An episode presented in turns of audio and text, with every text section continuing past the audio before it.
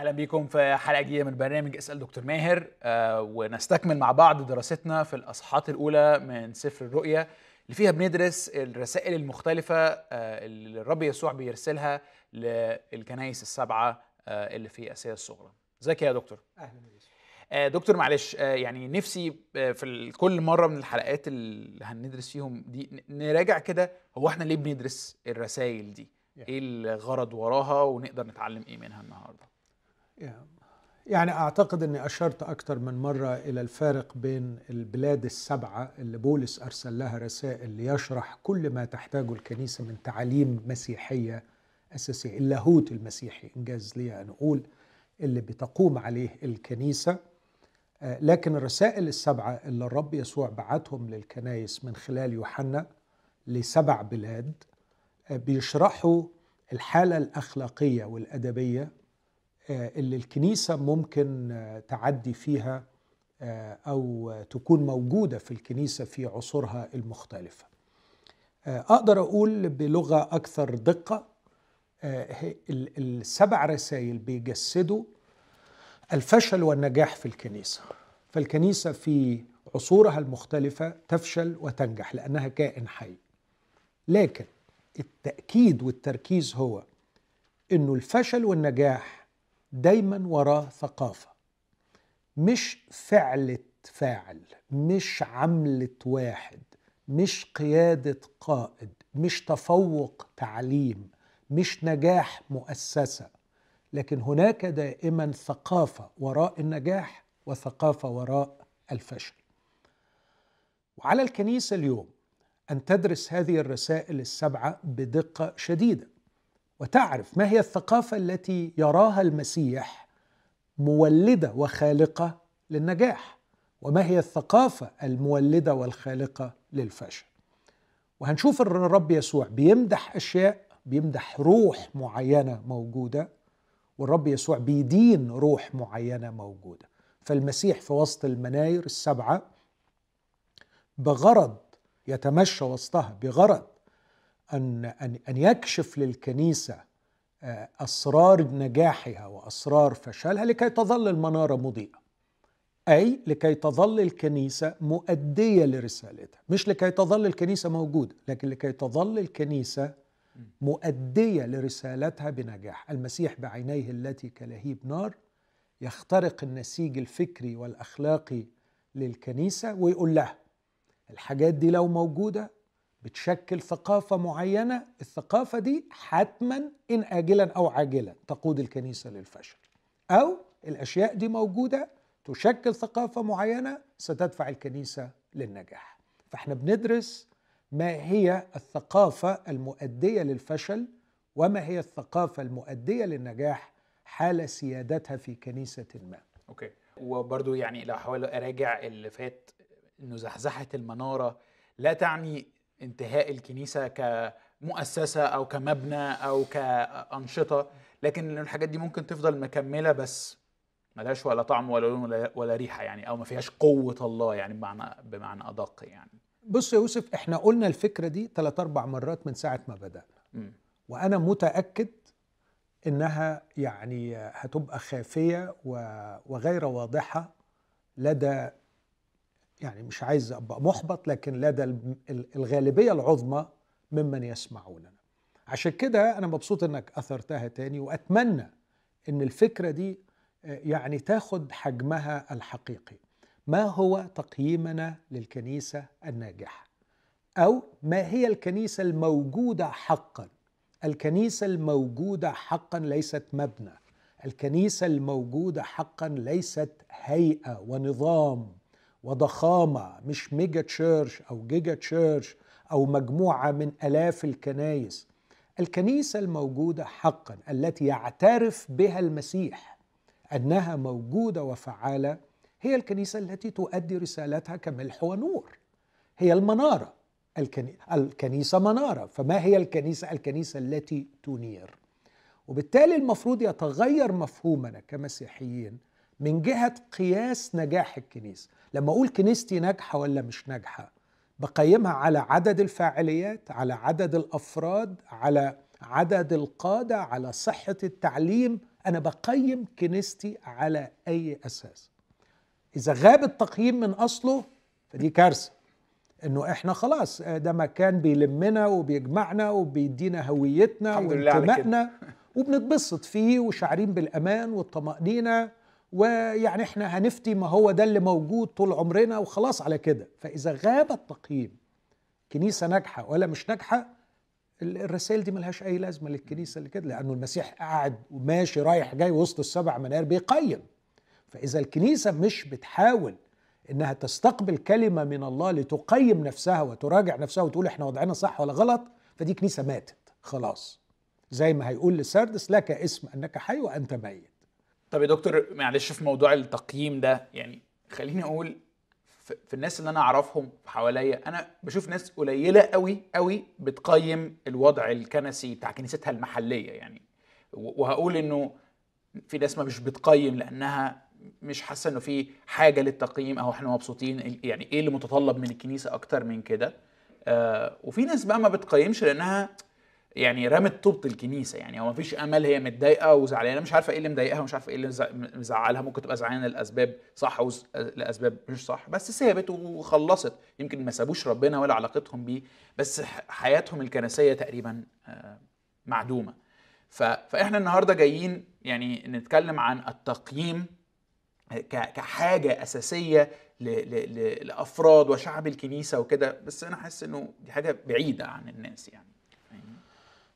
صح. بعيدة لكن أولا بتوجه بالرسالة دي إلى القادة والخدام أنه من جديد نرجع نمارس هذه ال- ال- الفضيلة أن نقيم أنفسنا ونقيم كنائسنا.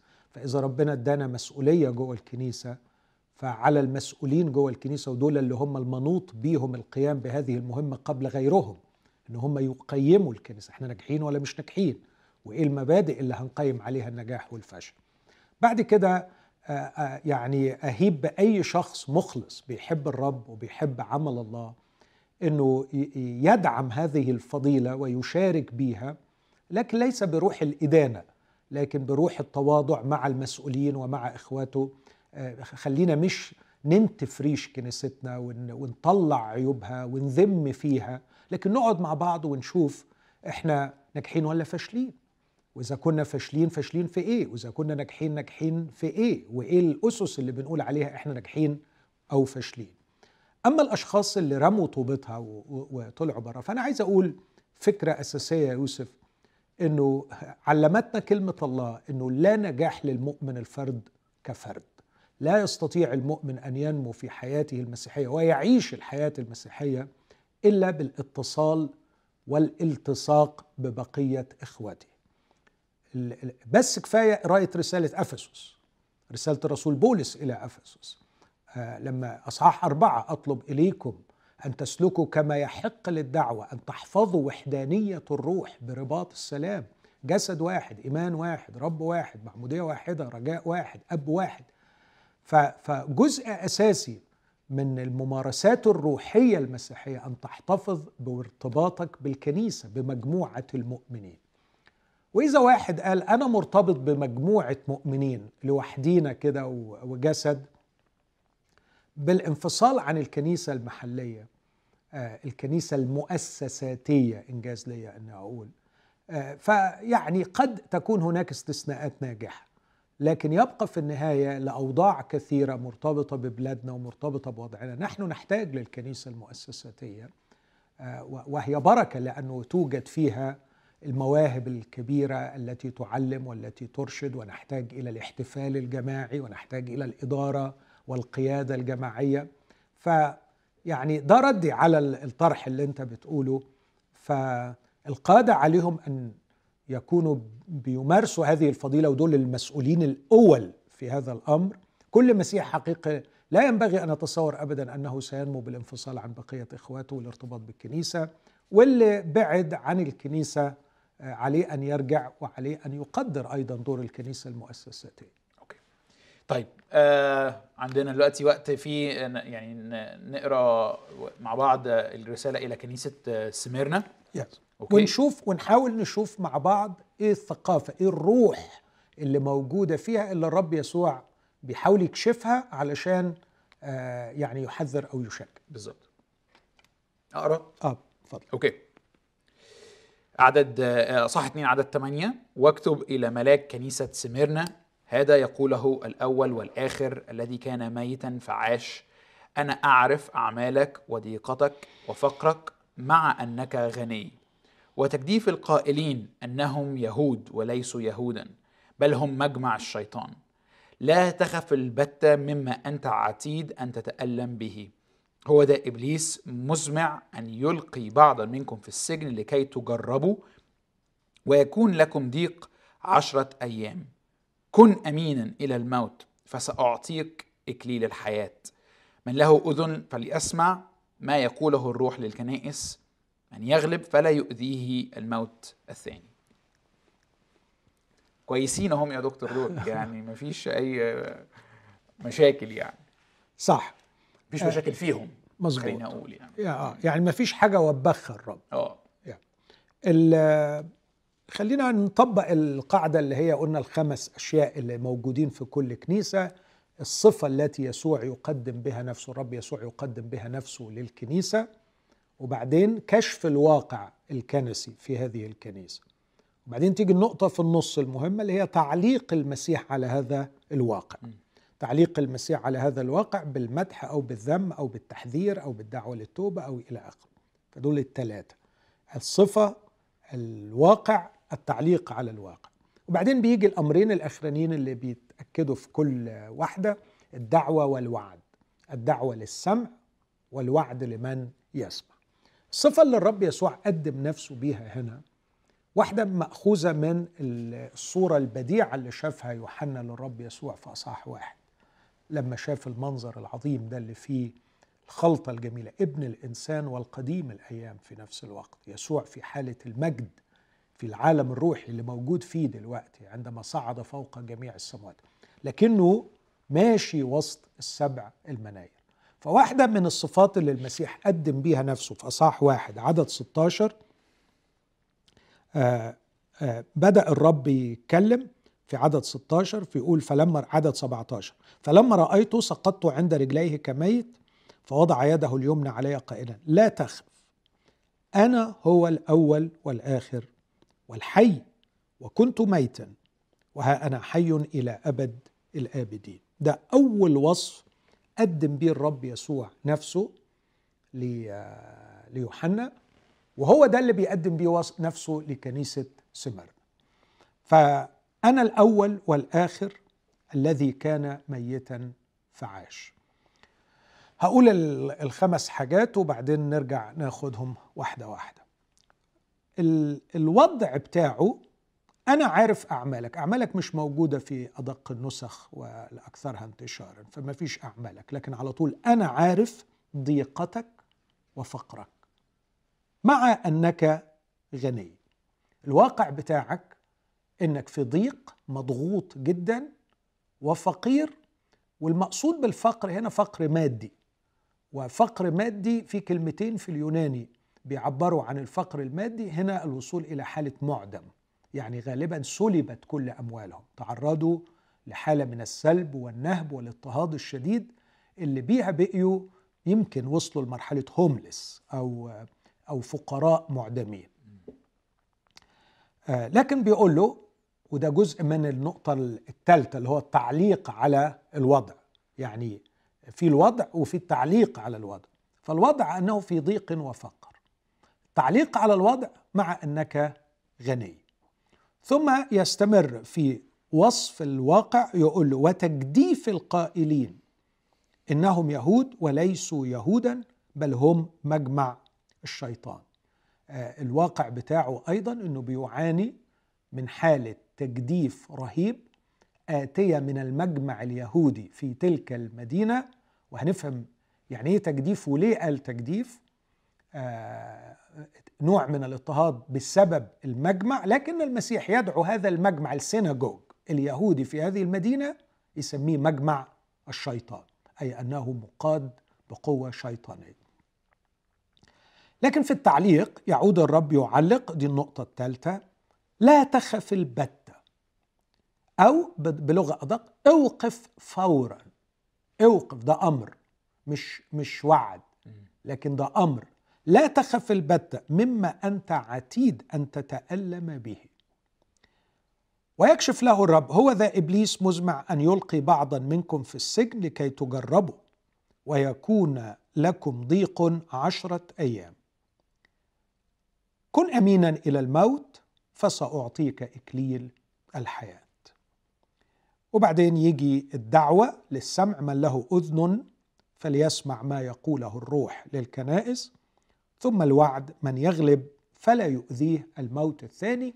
ولو تلاحظ إن الوعد النهائي مرتبط قوي بالصفة اللي بيقدمها. أنا هو الأول والآخر والذي كان ميتا فعاش. مظبوط؟ آه الذي كان ميتا فعاش أي قام. وبعدين الوعد من يغلب لا يؤذيه الموت الثاني.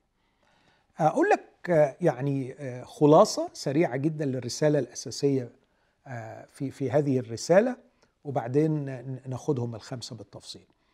آه، واضح جدا إن كلمة الموت بتتكرر ثلاث مرات. الرب يسوع بيقول أنا الذي كنت ميتا بس انتصرت على الموت وقمت، أنا هو الأول والآخر اللي الموت ما يغلبنيش. فاعرفني أنا مين؟ أنا لا أقوى من الموت. وبعدين في اضطهاد عنيف جدا يصل إلى السجن ويصل إلى الموت. هو زي إبليس مزمع أن يلقي بعضا منكم في السجن بس يكمل يقول كن امينا إلى الموت فسأعطيك إكليل الحياة. فواضح إن الكنيسة بتتعرض لاضطهاد مرعب يصل إلى حد السجن والموت. وبعدين في الآخر لما يدي الوعد من يغلب لا يؤذيه الموت الثاني. فقضية الاضطهاد والموت حاضرة بقوة في هذه الرسالة. من الجانب الثاني في فكرة الفقر الشديد اللي الكنيسة تعرضت ليه بسبب هذا الاضطهاد. ولما يكون الكلام ده موجه لمؤمنين عايشين في مدينة وهنا الخلفية الجغرافية والتاريخية تساعدنا شوية. مدينة غنية جدا. فسمرنا كانت مدينة غنية. كانوا يسموها تاج أيونا أيونا المنطقة كلها. هي التاج بتاعها. آه، وكانت غاية في الجمال. آه، وكانوا آه، أهلها بيعبدوا آه، آلهة الطبيعة اسمها سيبل عندهم. والآلهة دي كانوا يقولوا إنها بتموت في الشتاء وتقوم مع بداية الربيع. ولما تعرف إنه إزمير أو سمرنا إزمير في تركيا حاليا موجودة على شاطئ بحر إيجا والمنطقة دي أنا شفتها فعلا زرقة البحر بديعة للغاية والرمال ذهبية جدا والتلال خضراء خضار داكن فلما تشوف الخضار الداكن للتلال مع زرقة المياه مع اللون الذهبي للرمال في لوحة طبيعية غاية في الجمال. وبالتالي كانت يعني آه، محط أنظار الأغنياء لكي يعيشوا فيها. وكان على قمة الجبل دايرة من الهياكل. عشان كده كانوا بيسموها إكليل المنطقة والهياكل كانت زي إكليل للتل آه، من فوق. في في هذا الجو يعيش المسيح يرى قصور الأغنياء ويرى الرفاهية التي يعيشون فيها وما يقدرش يمنع نفسه من انه يقارن نفسه بالغنى والثروة والجمال عندما يرى قبح ملابسه وقبح عيشته. ويرى ظروفه الضيقة حتى أنه يمكن بعضهم بقى هوملس ما عندوش مكان زي سيدهم ما عندوش مكان يعيش فيه. ثم يرى الاحتفال بالحياة والمدينة يعني تعبد آلهة الحياة آه، وهو معرض للموت في كل وقت. كيف يستطيع المسيحي أن يصمد في في هذا الجو؟ كمان من من من الأشياء الخطيرة اللي لازم تعرفها عن الكنيسة دي إنه كانت وحشية في اضطهادها لأي نوع من ال إثارة القلاقل السياسيه ف make sense يعني عشان بالزبط. بتهدد الاستقرار بتاع الثروة دي يعني. بالظبط okay. فأسقفها أسقف سمرنا 169 الشيخ الوقور العظيم اللي يقال إنه التقى بيوحنا ولا أستبعد إنه إنه كان هو مثلا ملاك هذه الكنيسة. آه آه بوليكاربوس؟ بوليكاربوس yes فبوليكاربوس نفسه عاش طويلا جدا عمر طويلا وسنة 169 وده مش وقت بعيد قوي عن لأنه الكلام ده مكتوب تقريبا 96 فأنت بتتكلم مثلا في حدود 70 سنة حاجة و70 فلو كان بوليكاربوس ساعتها شاب صغير آه، وراى يوحنا وتتلمذ لديه فكان في 169 في شيخوخته في في النهاية وأحرق حيا. وأحرق حيا يعني بطريقة بشعة وهو شيخ ولم تحترم شيخوخته. فلما المؤمنين يشوفوا إن الشيخ الكبير بتاعهم سلم هكذا وقودا للنار بدون رحمة ولا شفقة أعتقد إنه ده ممكن يدمر الكنيسة. يدمر الكنيسة. وهنا ودي أهم نقطة في هذه الحلقة يوسف واحتاج إن إحنا نتناقش فيها شوية وجهة نظري وشهوة قلبي أن يكون في الكنيسة لا أقول مجرد تعليم لكن ثقافة صحيحة من جهة قضيتين ما هو الفقر وما هو الغنى الحقيقي؟ ما هو الموت وما هي الحياة؟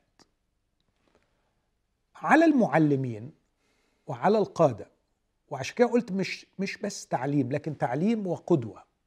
يعني قادة يعلمون ويقدمون القدوة في حياته بحيث يشب الشباب والشابات الصغار والكبار تتكون عقولهم في جو ثقافة داخل الكنيسة تعلمهم من البداية ما هو الفقر الحقيقي وما هو الغنى الحقيقي. ما هو الموت الحقيقي وما هي الحياة الحقيقية.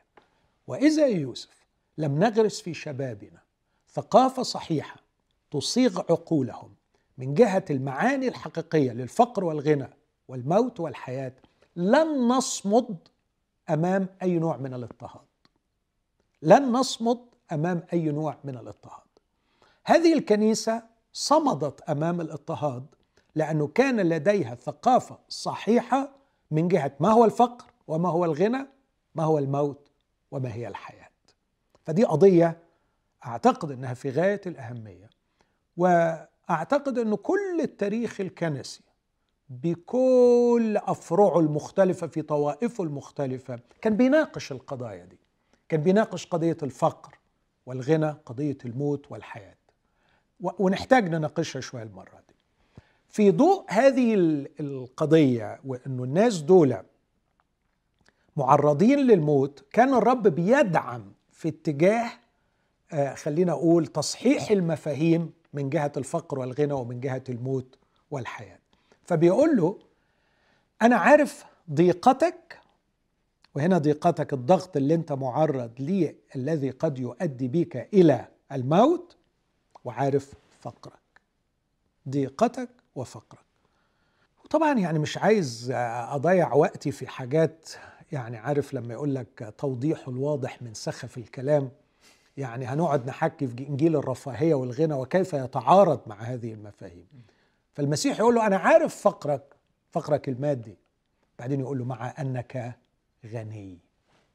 أنت غني. وبصراحة أنا أنا صياغة الآية دي كانت طول عمرها بتلخبطني.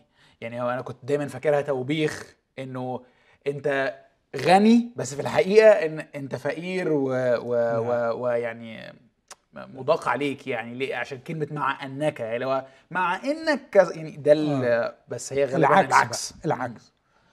الواقع اللي, اللي أنت شايفه واللي, واللي العالم شايفه أنت في ضيق أنت في فقر لكن خد الشهادة بتاعتي كيف أراك أنا ارسي سبرول ليه تعبير لطيف كفيلسوف مش كلاهوتي بس.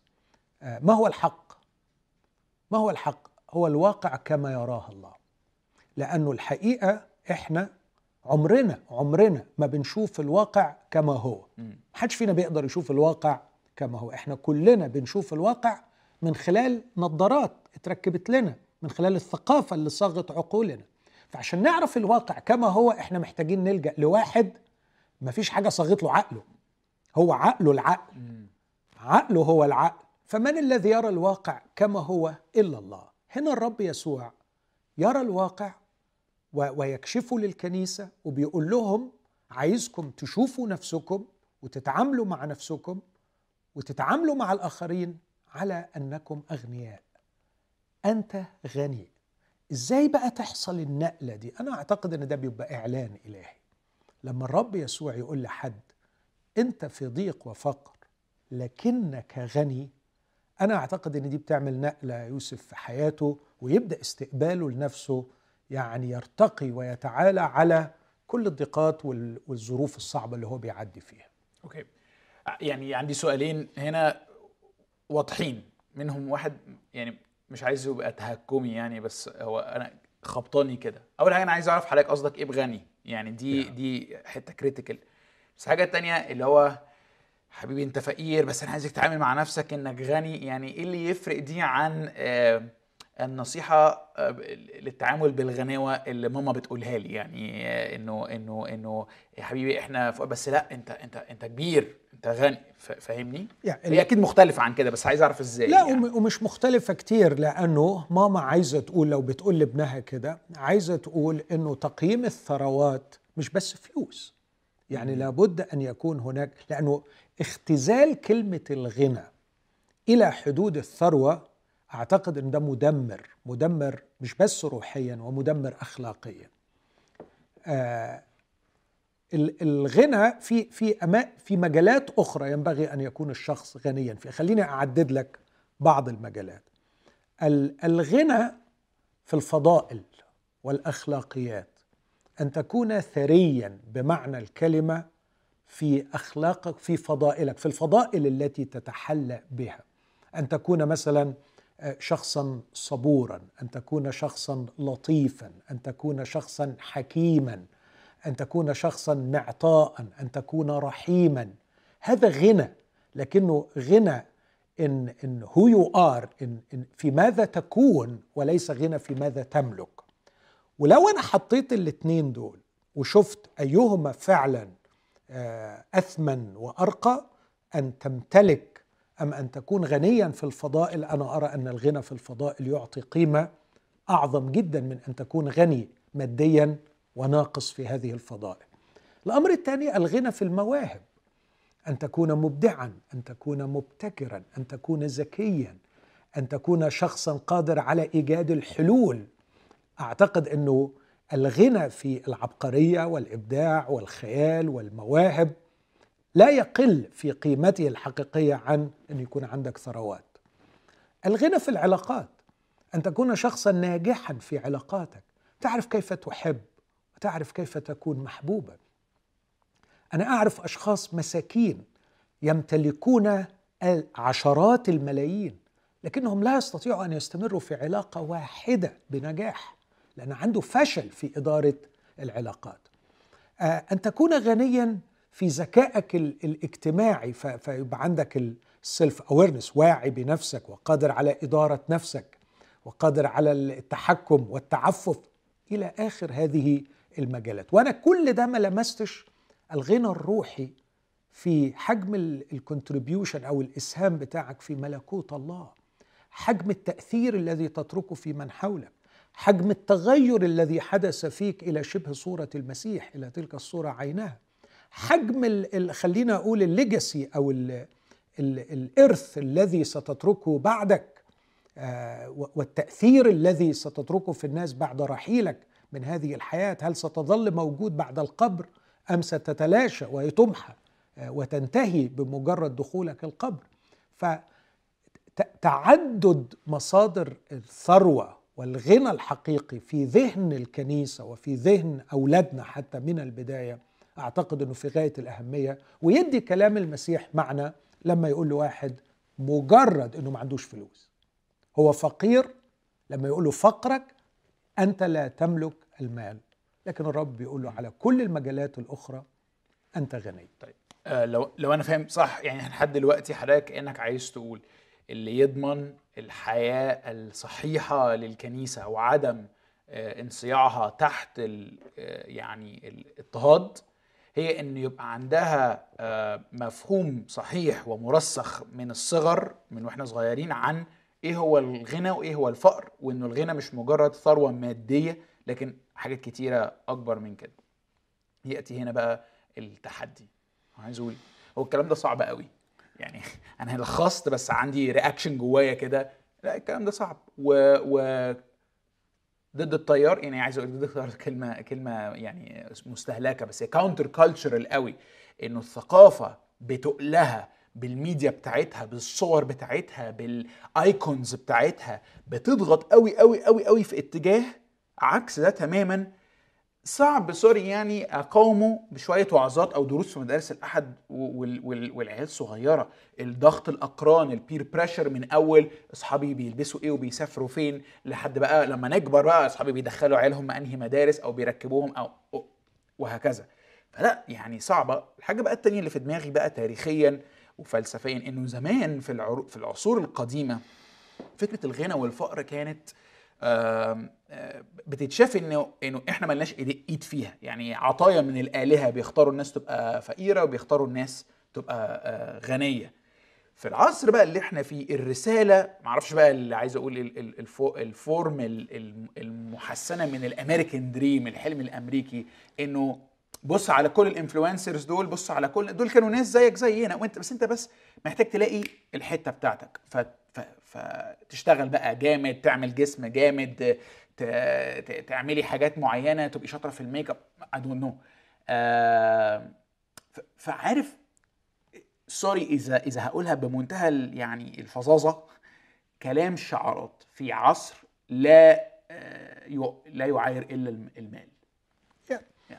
يعني اولا أقول لك أكتر من نقطة. آه، من من جهة إنه كلام ضد التيار وصعب صح. وأعتقد ده اللي هيفرز الحي من الميت واللي هيفرز التلميذ الحقيقي للمسيح من التلميذ المزيف. وأنا أعتقد لو قرينا الكتاب الشهير بتاع التلمذة الحقيقية سواء لجون ستوت أو لماكدونالد هتلاقي في ناس كتير كاتبة عن التلمذة الحقيقية ومركزين قوي على كلام الرب يسوع إنه في راديكال يعني في في تعليم جذري من جهة التعامل مع الفلوس إنه ما تبقاش الفلوس اطلاقا مصدر غناك لدرجه إن الرب كان بيتحدى أحيانا اذهب بيع كل ما لك وتعالى اتبعني. فهل هو صعب؟ صعب جدا. لكن هل ليه نفع و و و وعايز أقول وهيتم؟ آه بيتم مع التلاميذ الحقيقيين للمسيح اللي فعلا بينجحوا في إنهم لا يروا مصدر الغنى ابدا في الفلوس. الفلوس شيء يستعمل لتحقيق مشيئة الله وليس الشيء الذي يعطينا القيمة اطلاقا. الأمر الثاني المهم لما ال culture كلها بت بتسلط علينا الضوء ده أنا أرى إنه إبليس وراء هذه ال culture لأنه بيخبي عننا جانب تاني خالص في حياة هؤلاء الأغنياء.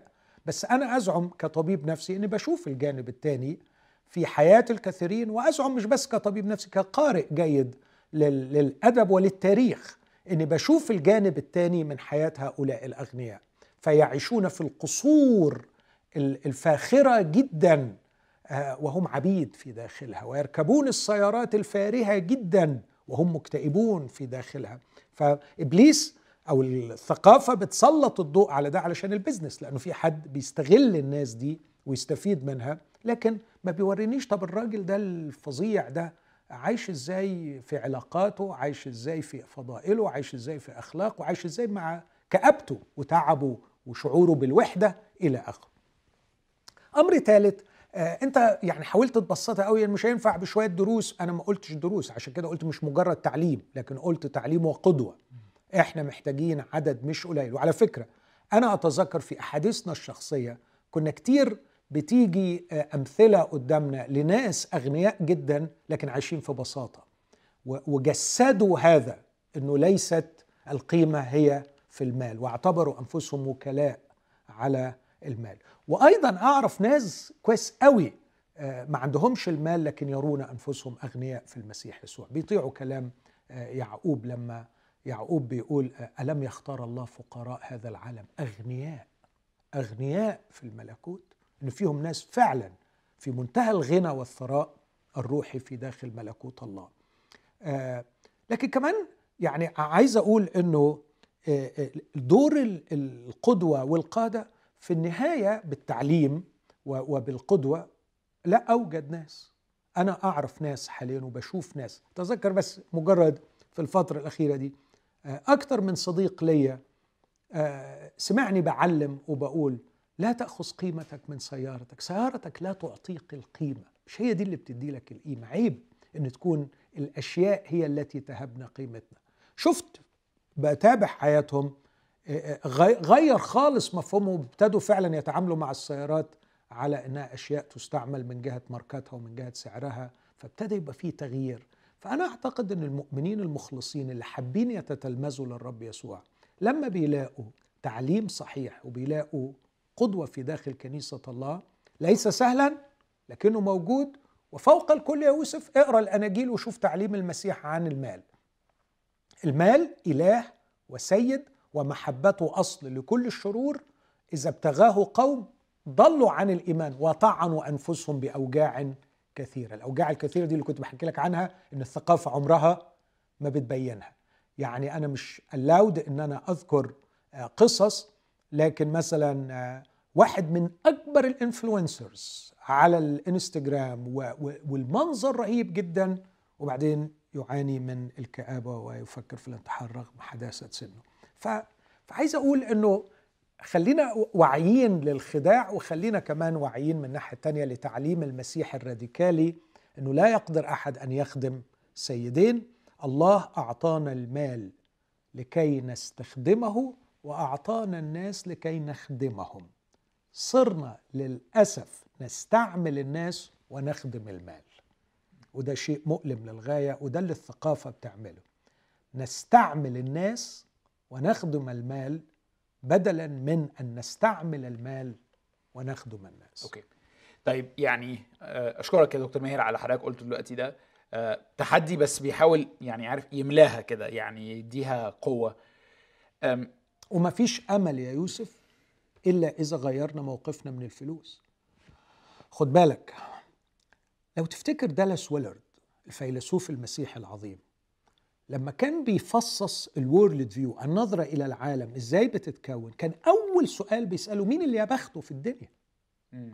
وكان بيقول إن اللي هيشكل ثقافة لا مش ثقافه عقل الشخص اللي بيه هيقرا الحياة إجابة سؤال راسخ في ذهنه مين اللي يا بخته المسيح أول حاجة صدم بيها المجتمع إنه قال مين اللي يا بخته وما كانش منهم ابدا الأغنياء. الأغنياء بل بالعكس طوبى للمساكين بالروح ودي أول واحدة فيهم. طوبى للمساكين بالروح فالكنيسة ستكون خائنة ل- لرأسها وخاينه للمسيح. إذا ما كانتش تغرس في أعماق الناس ال- الغنى الحقيقي هو غنى روحي وليس غنى مادي. وأضيف هنا بقى وأقول وهنا خيانة القادة لما يقدروا الأغنياء في الكنيسة عن الفقراء فدول بالعكس بيعملوا ثقافة مضادة. هي ثقافة العالم إن المقدرين في الكنيسة هم الأغنياء فيبقى بيهدموا فكرة آه، تصحيح المفاهيم من ناحية الفقر والغنى. okay. طب إيه علاقة ده بالاضطهاد؟ يعني ال- الثيم اللي إحنا آه. إحنا بنتكلم فيها هو إنه مفهوم صحيح عن الغنى والفقر والموت والحياة إحنا لسه ما اتكلمناش عن الموت والحياة. بيساعد الكنيسة أن تحتمل الاضطهاد وتعبر من خلاله. إيه علاقة ده بقى؟ أكتر. شيء هيخليك ت compromise تساوم وتستسلم وتس يعني تفرط هو خوفك على فلوسك. فأنت هتتجنب الاضطهاد ومش هتعرض نفسك للمواقف دي. وهيبقى عندك استعداد إنك تساوم لو في خسارة. حاجتين بنخاف عليهم حياتنا وفلوسنا. فأنا لو لقيت إن الاضطهاد إنه هيخسرني وهيخليني أنزل درجة في مستواي المادي لا يعني أحاول أساوم في. ايماني المسيحي آه آكل عيش. فده علاقته. إنه لو الكنيسة ما عندهاش مفاهيم صحيحة من جهة الغنى وطبيعة المال لا هتساوم في بس هو ايمانها ده اسمه اضطهاد ولا اسمه ضغط يعني أو أو أو تمييز يعني؟ نوع من الاضطهاد. أوكي. يعني خلينا نقول لو إنه لما قال له أنا عارف ضيقتك وفقرك ضيقتك الكلمة الثليبسس باليوناني ضغط.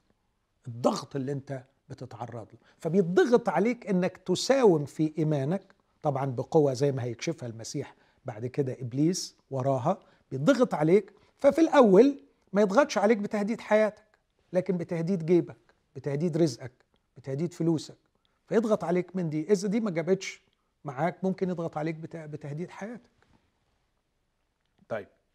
الحتة دي بقى إيه يعني بتاعت الحياة والموت آه. يعني آه. الرب يسوع بي- بيكمل بعد ما بيقول له ضيقتك وفقرك مع أنك غني وبعدين يقول له أنت كمان بتعاني من تجديف القائلين إنهم يهود وليسوا يهودا بل هم مجمع الشيطان اليهود في الإمبراطورية الرومانية كان لهم بعض الامتيازات الخاصة شوية من حيث حرية العبادة وكانت المسيحية بتعتبر شيعة من اليهودية كانوا حاطينهم تحت إطار مم. اليهودية. فقدام الحكومة دول تبع اليهود بس ليهم شوية حاجات خاصة بيهم.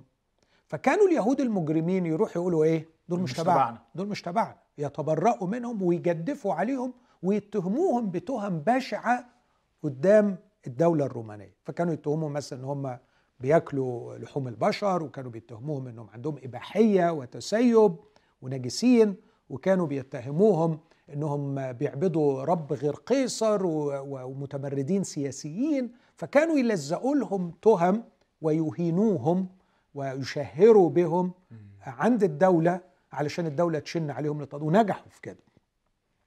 بس الرب استعمل هنا تعبيرين. قال على فكرة هم مش مجمع اليهود هم مجمع الشيطان. وهنا سؤال مرعب في الديانة اليهودية. حيث يقرأ الناموس كل سبت تقرأ كلمة الله. هل من الممكن أن مجمع ديني تقرأ فيه كلمة الله الحقيقية يتحول إلى مجمع للشيطان؟ ويصبح الشيطان يعني هو رئيسه اللي بيستعمله لمقاومة ملكوت الله ومقاومة عمل الله؟ مجمع يهودي تقرأ فيه كل سبت كلمة الله. صار هو مجمع الشيطان. أنا أسيب دي لضمايرنا ونسيبها نفكر فيها. okay. يعني هي محتاجة حد يعني يقرأ وراها يعني. آه. أنا أسيب كل لبيب بالإشارة يفهم. okay. لكن كمان الكلمة اللي قالها المسيح بيقولوا أنت بتعاني من تجديف القائلين إنهم يهود. طبعا بولس تبحر في دي في روميا 2 وقال اليهودي في اللحم ما هواش يهودي لكن ختان القلب بالروح. اليهودي في الخفاء اللي قلبه نظيف قدام الله مش اليهودي اللي بيمارس ويقرأ الكلمة ويعرف الناموس. لكن كمان بيقول ده تجديف. كلمة تجديف الكلمة اليوناني الحقيقة ما تتقالش إلا على الإله تقال على الله. لكن الرب يسوع في روعته شايف زي بالظبط لما قال لشاول الطرسوسي لماذا تضطهدني. فالرب يرى اتحاد الكنيسة به بحيث أنه إهانتهم هي إهانته فسماها تجديف. هذا هو الواقع إنك بتعاني ضغط نفسي بتعاني اضطهادات بتعاني سلب أموالك ومعرض أيضا للموت. لكن مع هذا وهنا يتكلم المسيح بلغة الأمر السيد لا تخف البتة أوقف فورا. واضح إنهم حبايبي كانوا خايفين.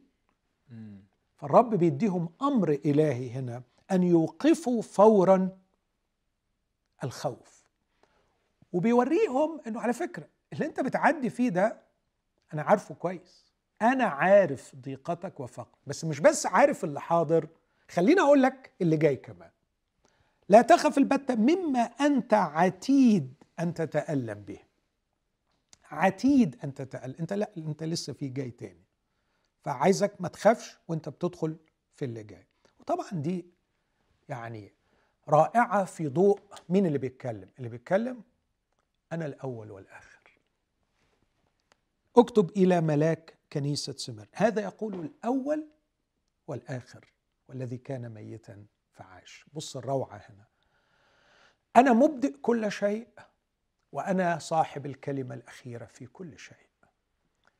أنا الخالق الذي دعوت الوجود فصار وأنا صاحب الكلمة الأخيرة والسلطان النهائي على كل شيء.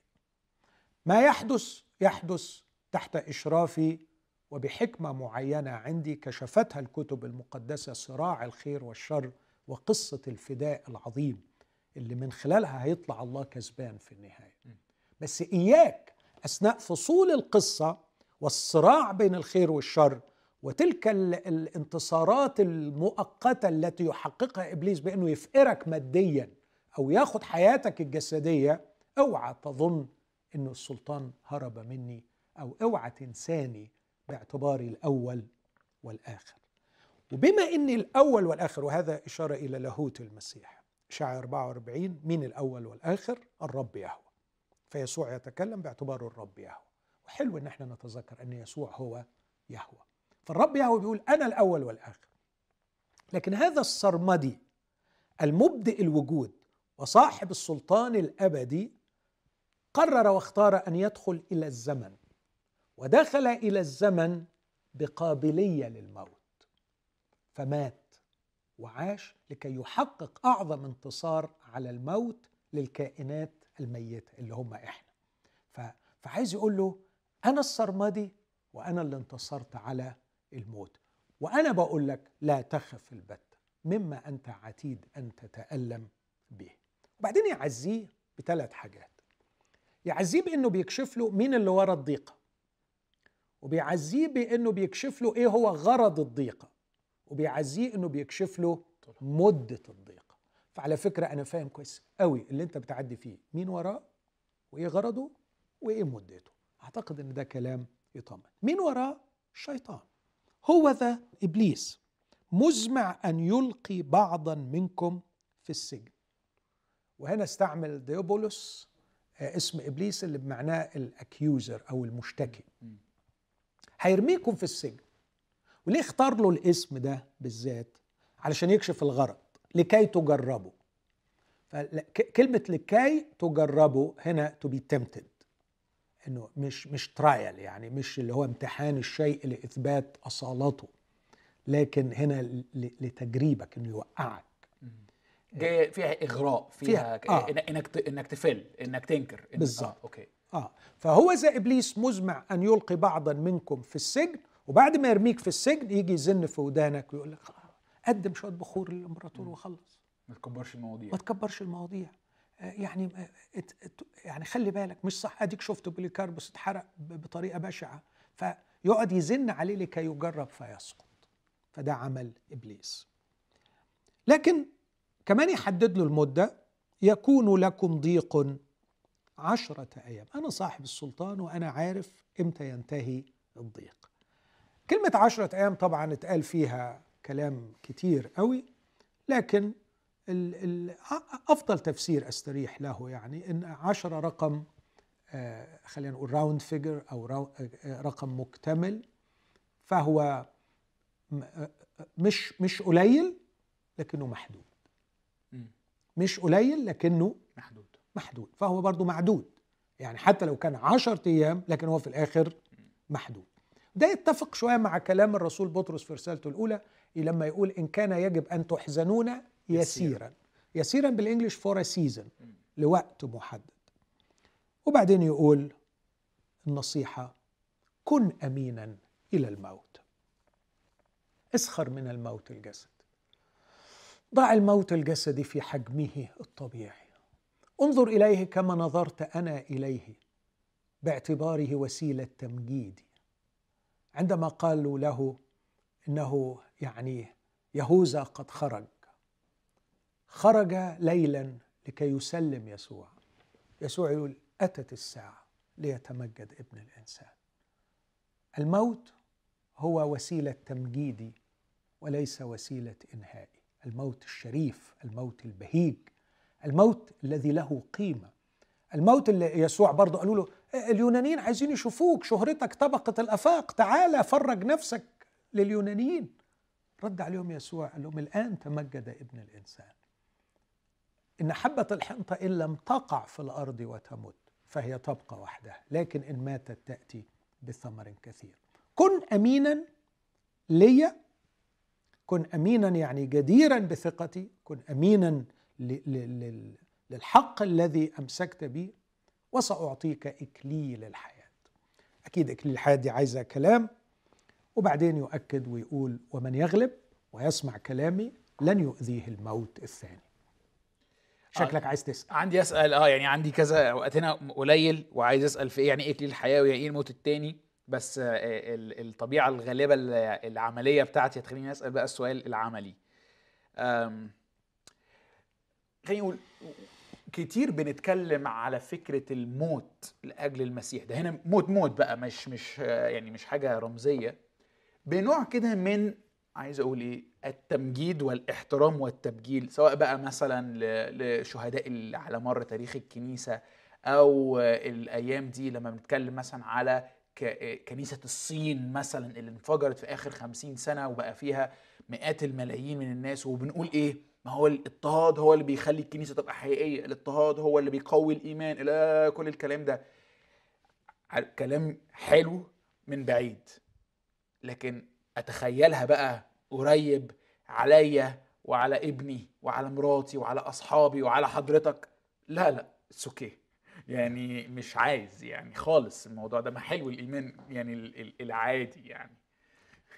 بص يا يوسف يعني آه، لو الرب آه، سمع يعني إحنا إحنا طبعا مش هننجح في حياتنا الروحية إلا إذا تغيرت مفاهيمنا زي ما اتفقنا عن الضيق وال عن الفقر والغنى والموت والحياة. بس هذه المفاهيم عمرنا ما هنغيرها تغيير حقيقي إلا إذا تعرضنا لاضطهادات وضيقات. يعني ليه الكنيسة نجحت في زمن الاضطهاد؟ اسمعني في النقطة دي. مش الاضطهاد خلاهم أقوياء. لا الاضطهاد أجبرهم أن يغيروا طريقة تفكيرهم ونظرتهم للحياة. ابتدوا يشوفوا وإحنا بنشوف الحكاية دي في في أجواء معينة بترخص كل الأشياء. يعني مثلا في الفترة الأخيرة دي في الكورونا أكتر من صديق عزيز قال لي الكلام ده وأنا على فراش المرض نظرتي لكل شيء تغيرت. كل حاجة بقت يا الخصومات قلت قيمتها الفلوس قلت قيمتها الأمجاد الدنيا كلها رخصت وبقت ما تستاهلش فيبدو إنه للأسف الشديد إنه لابد أن نزحزح خارج دوائر راحتنا لكي يمكن أن نعيد تفكيرنا في المفاهيم اللي خدناها مسلم بيها عن الفقر والغنى والموت والحياة.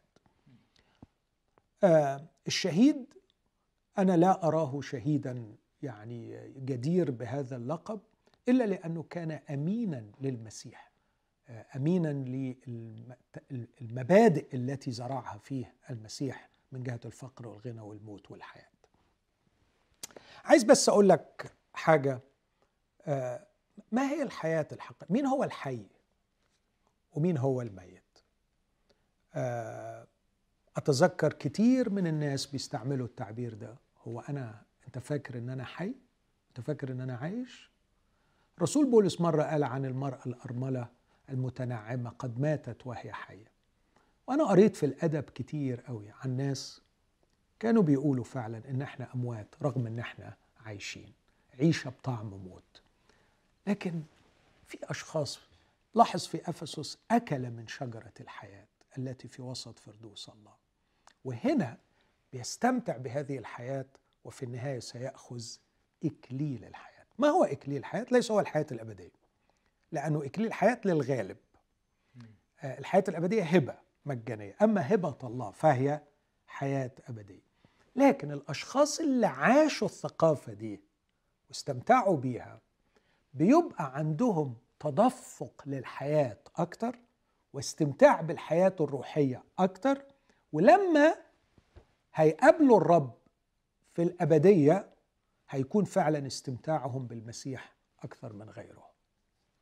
عشان كده لو تفتكر ده بالظبط اللي اتعطى في يعقوب للي يحتمل التجربة نفس الجو. طوبى للرجل الذي يحتمل التجربة لأنه إذا تزكى ينال إكليل الحياة. فمن خلال الضيق والألم بيعرف معنى الحياة الحقيقية ويستمتع بيها. عايزه ومش عايزه يعني ما اكدبش عليك. أشكرك يا دكتور ماهر ودايما بنبسط قوي في الدراسة مع حضرتك ونشوفكم الحلقة الجاية في برنامج اسأل دكتور ماهر.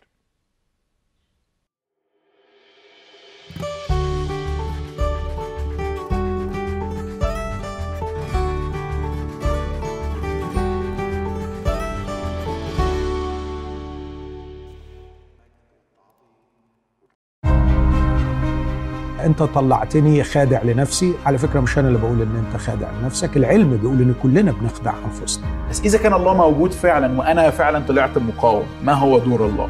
يظل الفريم التعليمي إنتاج بشري ويظل الكتاب المقدس إنتاج الهي العهد الجديد اعتقد أعتقد إنه ما كانش غامض ابدا في توضيح هذا الفكر. لما يقول بضيقات كثيرة ينبغي أن تدخلوا ملكوت الله.